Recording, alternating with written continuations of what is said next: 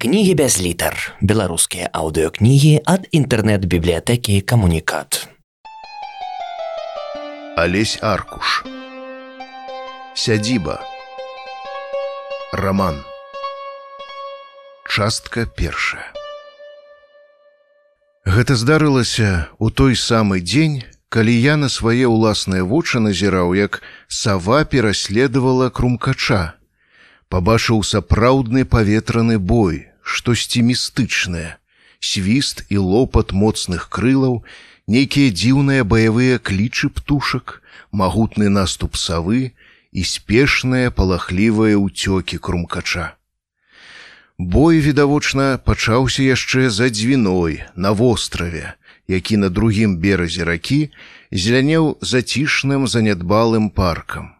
Людзі там бываюць рэдка, далёка ад цэнтра гораду туды не ходзіць ніякі гарадскі транспарт а для птушак райская мясціна.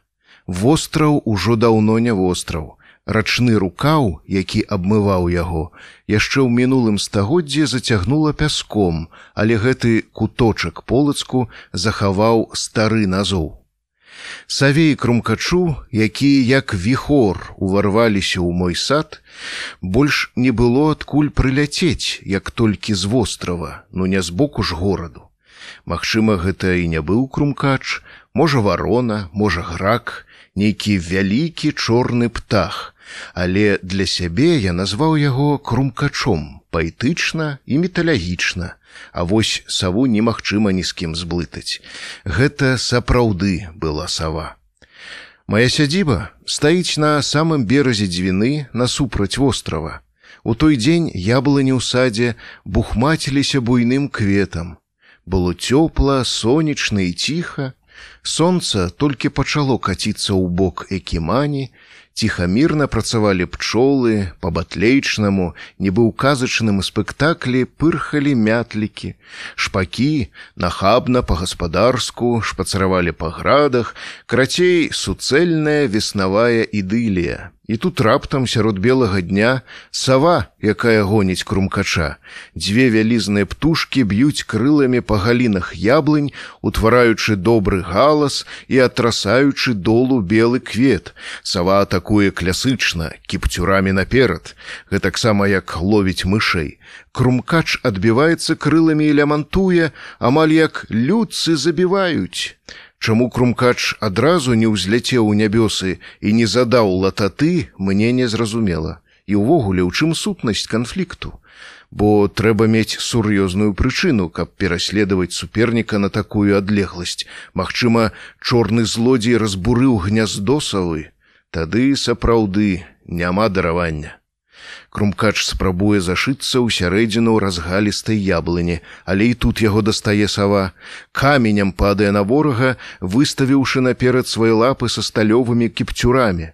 Крумкач зноў адчайна клякоча, чорны злодзей адрываецца ад яблыні і нізкім палётам, як ракета паветра паветра, якая ляціць над самай зямлёй, спрабуе зноў адарвацца ад пераследніка, але сава не адстае. Птушкі зрабілі некалькі піруэтаў па маім садзе і зніклі на суседскім участку. Але яшчэ колькі хвілінаў я чуў адчайнае крумкачынае клекатанне. Чым скончыўся паветраны бой, я так і не даведаўся. Дык што адбылося ў гэты дзень? У гэты дзень я зразумеў, што ўсё самае істотнае, важнае, сутнаснае здараецца нябачна, таемна, под покрывам, за заслонай, за кулісамі, у падполлі. Так так, усё, што мы бачым, чуем, адчуваем, усё гэта робіцца толькі для таго, каб заблытаць нас, пусціць па непраўдзівым следзе. А прычым тут запытаеце вы сава і крумкач? А вось і пры тым, што нічога нельга зразумець, пабачыўшы невялікі кавалачак эмацыйнай спрэчкі паміж птушкамі, так і ў звычайным нашым жыцці. Ці бываем мы сведкамі, пра што выносім свае меркаванне ад пачатку да канца, ці ведаем усе перад гісторыі, усе падспудныя плыні і ўзаемаўплывы. Не, канешне то тады ўсе нашыя меркаванні і прысуды не вартыя лушпіны ад бульбы.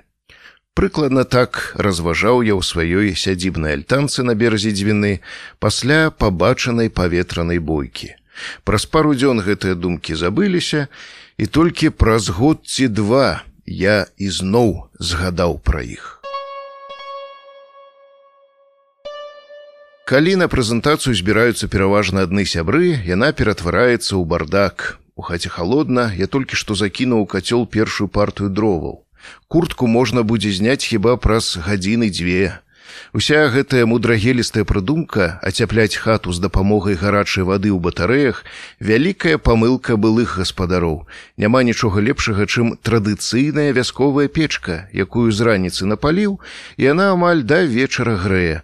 А тут трэба седням сядзець пры гэтым катле і толькі паспяваць падкідваць дровы, бо як толькі кацёл астыне, то неўзабаве астынуць і батарэі. Не было б з гэтага асаблівай бяды, бо ўзімку ў хаце ніхто не жыве, толькі вось вада ў батарэях замерзне і мароз парве іх як тузік грэлку, а мароз на дварэ б'е рэкорды, сягае ўжо да 40 градусаў. Полацкі паэт Кастан Навадворскі учора прыехаў з Менску, дзе ў яго ў адной са сталічных бібліятэк прайшла прэзентацыя новага зборніка вершаў. У маладосці Кастан вучыўся на філфаку беларускага дзяржаўнага універсітэту і меў неверагодную колькасць сяброў. Большасць з іх раз'ехалася па сканчэнні універсітэту па ўсёй Беларусі, але і тых, хто застаўся ў сталіцы, было дастаткова, каб сарваць кастанавую сваю прэзентацыю пра што эмацыйна і апавядаў мне сам паэт. Гэтыя сябручкі гарлалі з месца розныя жарты рэплікі перабівалі выступоўцаў і самога аўтара кнігі у сваіх прамовах казалі розную лухту абсалютна не па справе і перыядычна скаланалі бібліятэку дружным рогатам. Больш у менску ніякія прэзентацыі ладзіць не буду катэгарычна казаў кастан Гэта нават эканамічна невыгодна, не паверыш, але купілі толькі два зборнікі.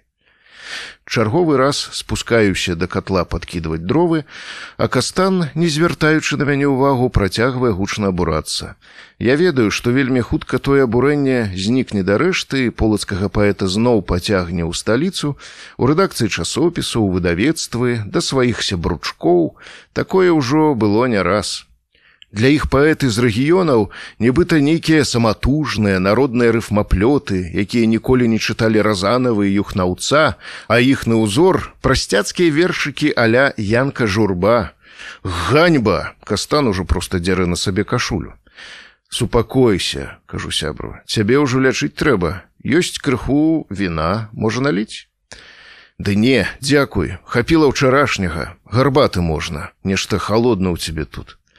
Кастан пацепвае плячыма ад холаду, на ім чорная куртка са штучным футрам на каўняры, замок курткі расшпілены і пад ёй бачны шэры шведар. Наліваю вады ў самавар і ўтыкаю штэпсель у разетку. Мне таксама не пашкодзіла б выпіць гарачай гарбаты. Слухай, а як тут жылі людзі зімой, гэта ж трэба, каб кацёл заўсёды быў гарачы. Нарэшце кастан пераключыўся на іншую тэму жылі ў горадзе і хацелі, каб было ўсё па-гарадскому, батарэя цяплення, газавая пліта, ванная, усе цывілізацыйныя выгоды, каб было прэстыжна, а не так, як у вёсцы. І мне згадалася, як ранейшая гаспадыня хаты скардзілася, што нязручна мець уласны дом, дровы, брыкет, кацёл, таму, маўляў, прадае яго і перабіраецца ў звычайную кватэру. Але можна інакш неяк вырашыць праблему ацяплення больш па-сучаснаму былі б толькі грошы. Зараз розных напрыдумлялі агрэгатаў для абагрэву. За тое месца цуд і рака под бокам і сафійскі сабор у вакне. Кастан памкнуўся адгарнуць фіранку і паглядзець на вуліцу, але згадаўшы, што там ужо даўно вечаровы змрок перадумаў тое рабіць. Самавар закіпеў, і я разліў кіпень па кубках, папярэдні ўкінуўшы ў іх пакецікі гарбаты. А як думаеш, што было тут раней? Кастан насыпаў цукар у свой кубак і памешваў лыжачкай. У сэнсе, калі раней, перапытаў я. Ну, у далёкія часы за ўсяславам чарадзеем, напрыклад. Што што, за полацкі пасад, рамеснікі, купцы, рыбакі жылі, сядзібы іх стаялі майстэрні. Дык напэўна і скарбы свае ў зямліц тут пазакупвалі. Увесну трэба дапамагчы табе грады капаць. І кастан засмяяўся сваім блазнаватым смехам. Так ужо і скарбы. Тут за апошнія 200 гадоў так перааралі зямлю, што ніжні пласт 10 стагоддзя стаў верхнім. Людзі жылі са сваіх агародаў, да таго ж тут два разы пракладалі водаправодныя трубы на суседні ўчастак, таму нічога жывога ў гэтай зямлі не засталося. Культурны пласт знішчаны цалкам. Мне і самому хацелася б верыць у нейкія схаваныя скарбы на маёй сядзібе, але ўсе мае роспыты суседзяў ці знаходзяць яны што-небудзь старое на сваіх дзялках аптымізму не надалі. Маўляў, яшчэ ў 60-х 70-х годах царскія манеты трапляліся, але даўно ўжо акрамя гліняных чарапкоў нічога не знаходзяць. А я ведаю, што падумаў, уся гэтая зямелька шчодра палітая крывёю, уяўляеш, колькі на гэтых сотках было забіта людзей за ранейшыя стагоддзі, асабліва пры штурме верхняга замку, ды і пры штурме заполацкага пасаду тысячы і тысячы. І што ты гэтым хочаш сказаць? Падобныя думкі не раз наведвалі і мяне, таму мне нават стала цікава, куды ж свае развагі вядзе кастан. А то і хачу сказаць, што тут павінны жыць прывіды. Бо што такое прывід? Гэта душа забітага чалавека, якая не знайшла вечнага спачыну, якая блукае у пошуку адпаведнага прытулку і стагоддзе і некалькі стагоддзяў. У гэты час нешта бразнула на гарышчы дома. Кастан замоўк, і мы разам узнялі галовы ў гору. У той бок адкуль пачулі гук, але гук не паўтарыўся і зноў стала ціха мышы відаць шалеюць не зусім упэўнена хутчэй як версію прамовіў я. Ага. У сорокаградусны мароз на гарышчы здзекліва пакпіў з мяне кастан.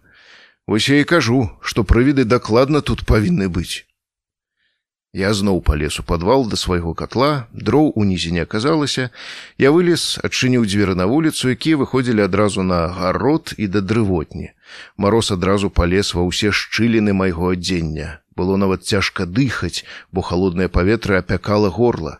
Я ўзняў голаў і пачаў разглядаць дах дома. Ён быў шчодра ўсланы снегам, з коміна ішоў дым, які роўна ўздымаўся на тры-чатыры метры, а затым расцярушваўся. І што там можа грукаць на гарышчы, падумаў я. Прычым падобныя гукі чуў я не першы раз не пабачыўшы адказу на сваё пытанне на даху, зайшоў у дрывотню, набраў дроў і вярнуўся ў хату. Увогуле гэтую хату мы купілі для тацяны пад майстэрню. Тацяна габыленшчыца, і ёй для працы патрэбны плошчы, на якіх можна творча разгарнуцца. Зімой, аднак, ткаць у экстрэмальных умовах не выпадала. У прынцыпе, можна было цэлы дзень паліць кацёл і ткаць, але азначала, што кожныя паўгадзіны трэба спускацца ў падвал і падкідаць дровы. Такі творчы працэс не абяцаў ніякага натхнення. Таму мы з тацянай па чарзе проста падтрымлівалі ў хаце плюсавы рэжым. Перадусім, каб не размарозіць батарэі і ўсю ацяпляльную сістэму. Вырашылі так пратрымацца да вясны, калі б стала магчыма неяк направіць ацяпляльную гаспадарку. Добра, што наша кватэра знаходзілася зусім побач, хвілін 15 пешкі ад сядзібы. З гэтым домам нам пашанцавала. На той час, калі вырашылі купіць сядзібу, было досыць шмат прапановаў. Старыя людзі адыходзілі ў іншы свет, іх дзеці даўно былі ўладкаваныя ў гарадскіх кватэрах, таму бацькоўскія хаты прадавалі без жалю. Але нам важна было не проста набыць дом. Пажадана, каб ён стаяў у маляўнічым месцы, бо сядзіба патрэбна для творчай працы. Зусім выпадкова даведаліся, што адна жанчына прадае менавіта такі з улікам усіх нашых патрабаванняў дом на запалоцкім беразе дзвіны. Хата была самая маленькая з тых, што нам прапаноўвалі і мела самы вялікі кошт, але мы, не раздумваючы, выбралі яе. У камплект сядзібы ўваходзілі сад, гараж, драўляная хламуда дрывотня і сабака, якога звалі жуль а по-простаму жулік. Гэта быў чорны харцісты дварняга з невялічкімі белымі плямкамі на пярэдніх лапах і на шыі. Сабака вельмі хутка да нас прывык, і мы да яго. У моцныя маразы жуля пакідалі на верандзе. Ясна, што і там таксама далёка не плюсавая тэмпература, але ўсё адно ўмовы непараўнальныя з яго лядашчай будкай. Тацяна зрабіла пераабсталяванне ў хаце, знесла перагародкі паміж двума заднімі пакоямі і разабрала столь, адкрыўшы вышыню агульнага пакоя да самага даху, які ўцяпліла пенапластам і гіпсакардонам. Гарышча засталося толькі над ваннай і кухняй. Гэткай рэканструкцыі хата не вытрымала, дакладней яе ацяпляльная сістэма папросту кацёл не быў разлічаны на такі аб'ём памяшкання і таму пачаліся нашыя штодзённыя зімовыя ратавальныя дзяжурствы. Некаторыя мёртвыя беларускія вёскі выглядаюць як згубленыя ў далёкіх стагоддзях паселішчы ў джунглях Індыі або Мексыкі. Быў я аднойчы ў адной такой вёсцы на маляўнічым беразе дрысы. Там усё наўкол так шчыльна пазарастала ляшчыннікам і розным кустоўем, што хаты можна ўбачыць толькі тады, калі падыдзеш да іх амаль у сутыч, ідучы па сцежках, якія цудам захаваліся. Людзі, напэўна, тут усё ж час ад часу з'яўляюцца, або сцежкі гэтыя звярыныя, што надае мясціне яшчэ большай містычнасці і закінутасці. Зусім нядаўна тут веравала жыццё. Людзі нараджаліся, сустракалі надыход сонца, купаліся ў рацэ, працавалі на калгасных палетках, займаліся каханнем і стваралі сем'і. Недзе ў гэтых хатах жыў і апошні жыхар або хутчэй жыхарка, бо жанчыны ў Беларусі жывуць даўжэй, а на вёсках гэта бадай што правіла. Магчыма, на яе вачах усё тут занепадала, зарастала хмызом і тэрыторыя паноўвала новае аўтахтоннае дзікае жыццё, якое не патрабуе электраэнергіі крама праграмаў пошты нават мабільнай сувязі.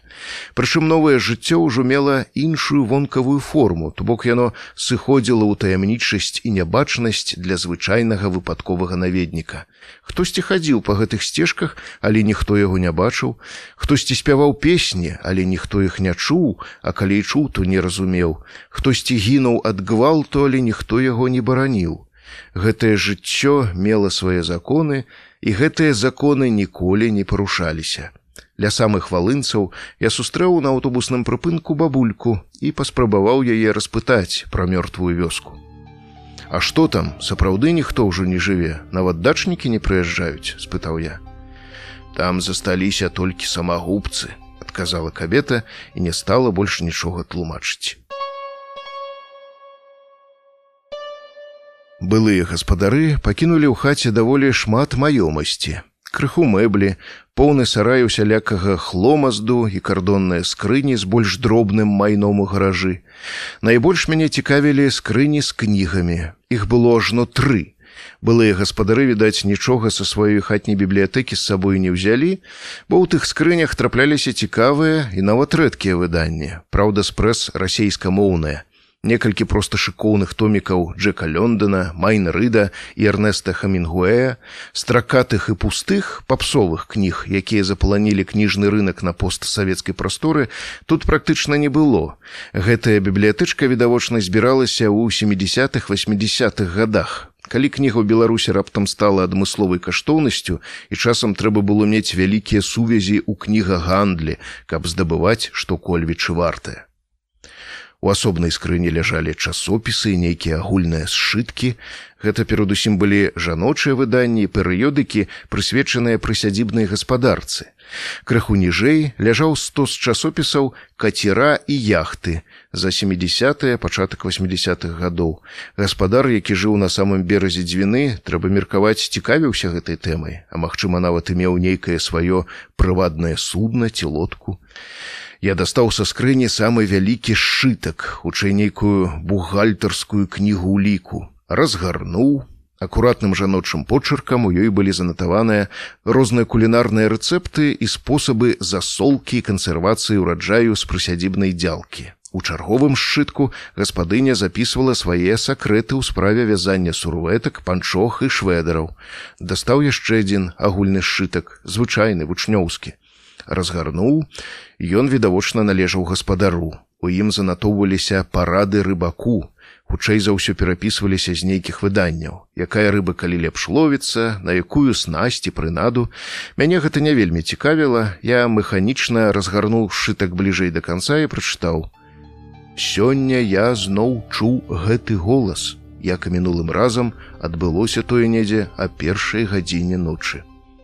Гэта быў дзённік гаспадара. Слухае, што бывае з архівамі пісьменнікаў пасля іх смерці. Ні з пушчы, ні з лесу спытаў мяне навадворскі. Мы з ім разам працавалі ў шмат тыражцы наваполацкага будаўнічага трэста нафтабуд. Сёння здалі нумары і займаліся сваімі справамі. Кастан разгадваў крыжаванку, а я чытаў томік вершаў Владзіміра Дубоўкі, які учора прыдбаў у светачы. А ты што, паміраць сабраўся? пытаннем на пытанне адказаў я. Ды не просто падумалася ну з архівам караткевіча або танка зразумела. Музей там школьны мемарыяльны куток дзяржаўны архіў. А вось такімі як мы рэгіянальнымі пісакамі у менску мы нікому не патрэбныя гэта дакладна. А ад мясцовых уладаў не дачакаешся ні павагі ані ўвагі. Дык што з архівамі? Здадуць у макулятуру што што не ведаеш патлумачыў я Кастан умеў даставаць на роўным месцы. Навадворскі засмяяўся і пляснуў брашуркай з крыжаванкамі па стале. Якая зайздросная перспектыва! Тут ужо ён гучна зарагатаў: пісаць, каб не перапыняўся абарот паперы ў чалавечым жыцці. У кастана не было дзяцей, жыў ён разам з жонкаю, якую любіў, гэта я ведаў дакладна. У падрабязнасці ягонага сямейнага жыцця я не ўнікаў, адчуваючы, што гэта няпростае пытанне. Тэма спадчыннай пераемнасці была надзвычай балючая для яго, асабліва апошнім часам. Калі прыйдзе час X, як называў яго польскі паэт Ялу курак, можаш здаць свой архіў у мясцовы краязнаўчы музей. Думаю, там не знік не захаваецца, але пра гэта яшчэ рана думаць. Я вырашыў па-сур'ёзнаму адказаць на кастанава пытанне і не цвяліць яго дурнымі жартамі. Ну, прынамсі нейкі варыянт, пагадзіўся са мной навадворскі. Ён зноў нахіліўся над сваёй крыжаванкай і ўжо іншым звыклым голасам прамовіў. Драпежная птушка, якая вядзе начны лад жыцця, чатыры літры. Сава, падказаў я. Слушна, і ён вывеў чатыры літры ў патрэбных квадраціках.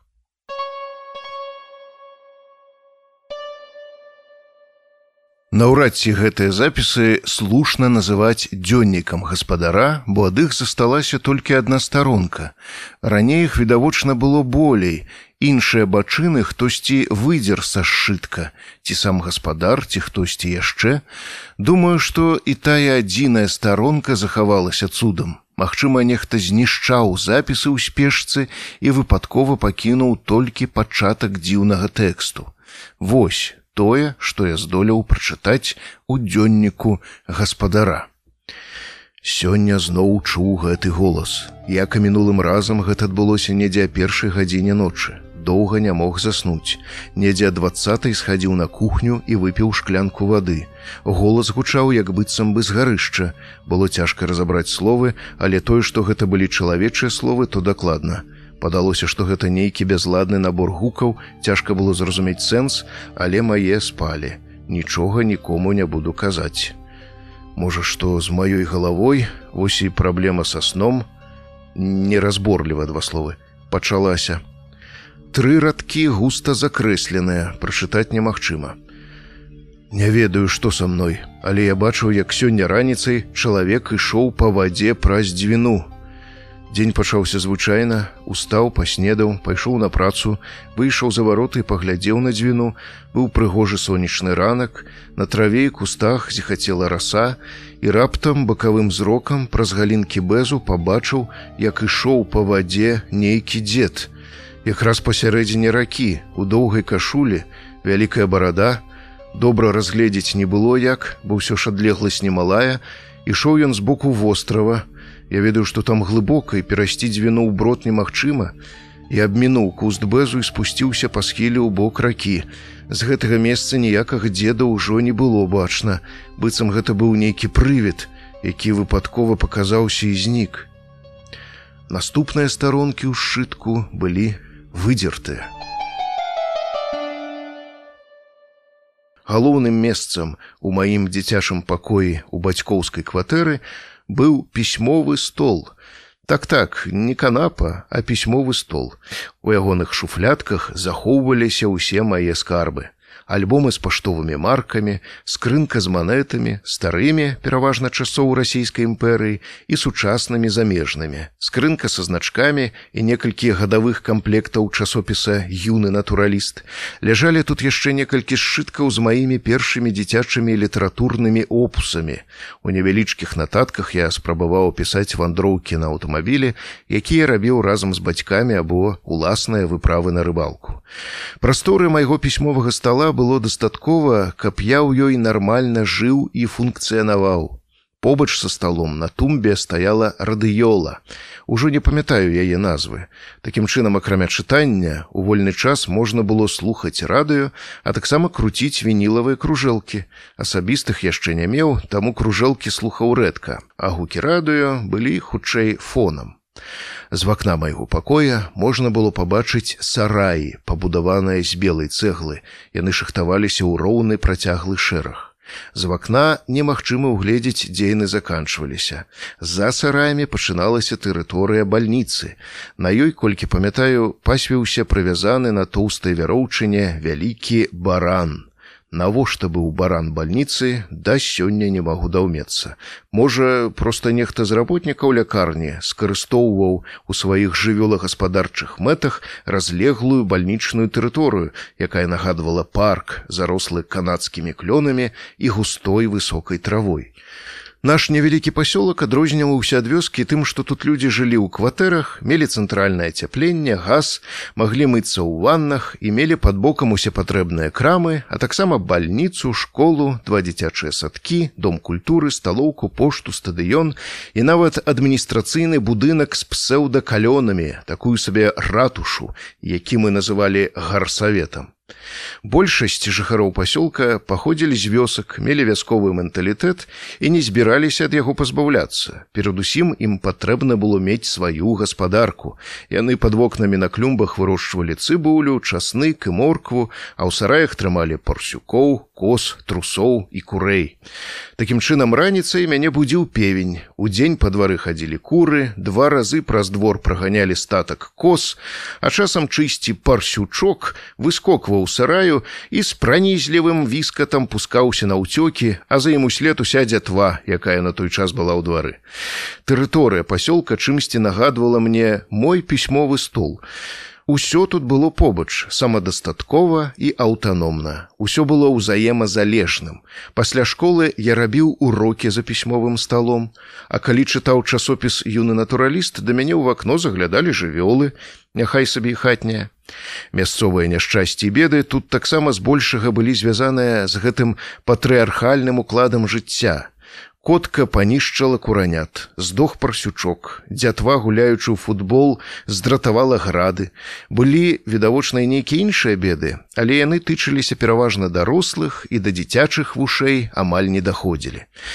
Быў у нас яшчэ і Ленін. Ён стаяў на цэнтральным адзіным у пасёлку пляцы побач з гарсаветам і паказваў рукой на сталоўку. На пастаменце адсутнічаў надпіс, але мы дакладна ведалі, што гэта Ленін, бо побач з ім нас, вучняў малодшых клясаў, прымалі ў піянеры.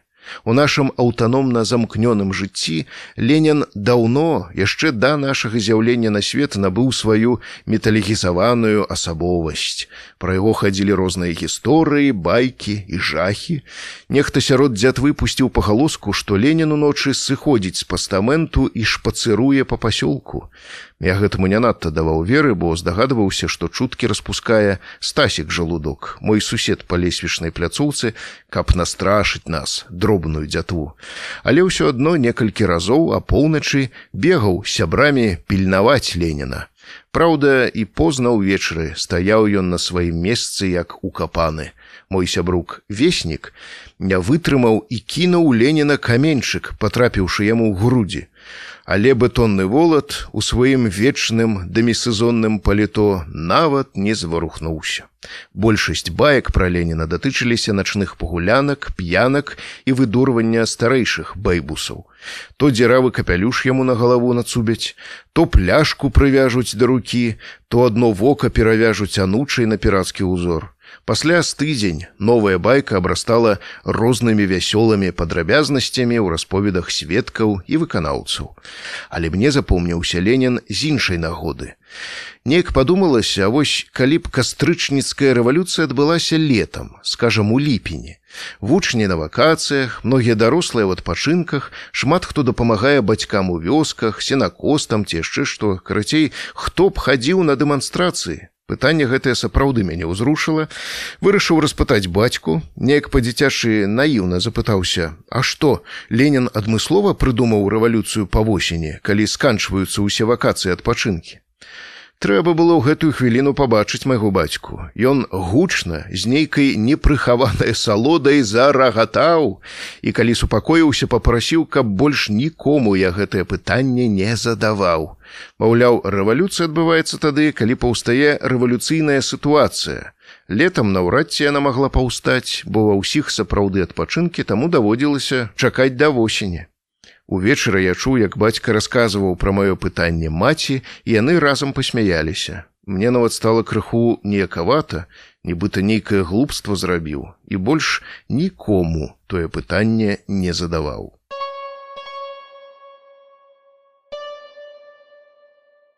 Сваю першую кватэру я памятаю цьмяна. Я жыў у ёй з 5 да 8 гадоў. Дакладней кватэра не была цалкам наша, у ёй мелі свой дах над галавой дзве сям'і і адзінокая жанчына. У той час кабета мне здавалася лядашчай сварлівай бабуляй, але сёння я б падкарэктаваў гэтую ацэнку і сказаў інакш: жанчына сталага ўзросту. Нам належалі два прахадныя пакоі на левы бок кватэры. Па правы бок жыла сям'я з двума дзецьмі, хлопчыкам і дзяўчынкай. Жыллёвай плошчы ў іх было значна менш, але яны мелі гаўбец, які выходзіў у двор. Дом быў трохпавярховы, мы жылі на другім паверсе. З гэтага дому практычна пачынаўся наш пасёлак. Пад намі знаходзілася крама прамтавары калі спусціцца ў двор і выйсці на галоўную вуліцу пасёлка, то пабачыш яшчэ дзве крамы: мяса, рыба і хлеб, якія размешчаныя адна супраць другой праз дарогу.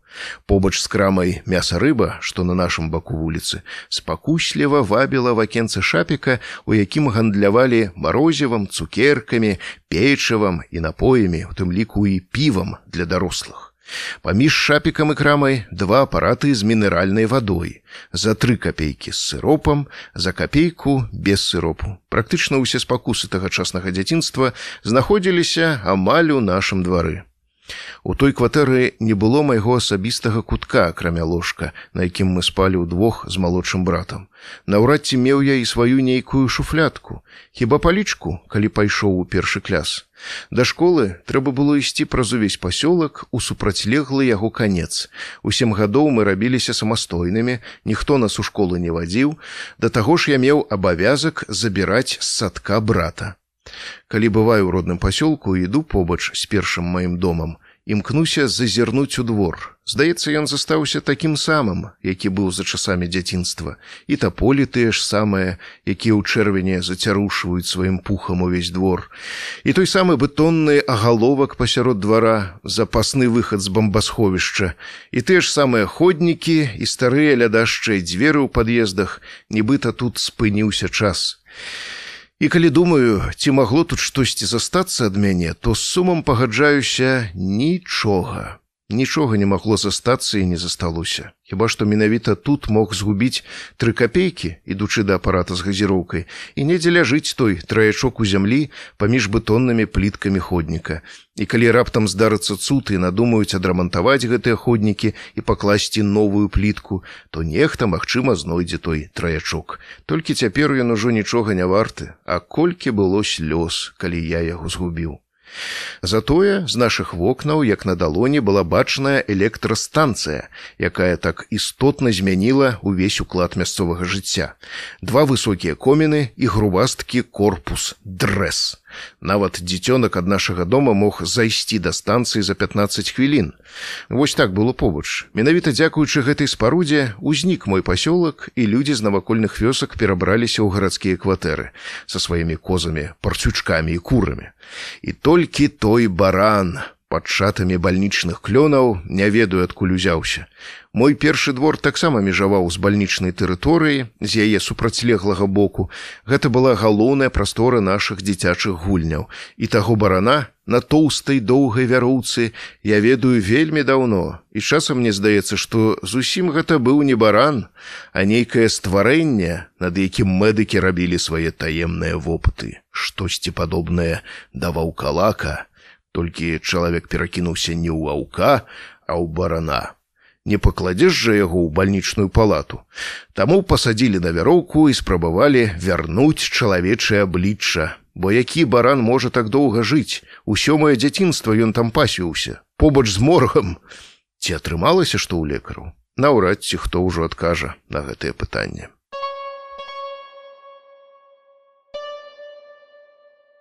А ты заўважыў, які ключавы сказ у гэтым тэксце? спытаў мяне кастан. Я паказаў яму старонку з дзённіка гаспадара. Навадворскі з паўгадзіны старанна яе вывучаў. І якое? Ягонае вучнёўскае самадарослае шэрлак холмства мяне крыху пацешыла. Ён нават на прасвет агледзеў старонку. На траве і кустах зіхацела раса, працытаваў ён такім голасам нібыта зрабіў вялікае адкрыццё. І што гэта значыць? Я па-ранейшаму з іроніяй успрымаў гэтую пінкертоншчыну. А тое значыць што гаспадар глядзеў на раку праз куст бэзу які быў увесь у расе. Таму і з'явіўся гэты аптычны падман. Усё!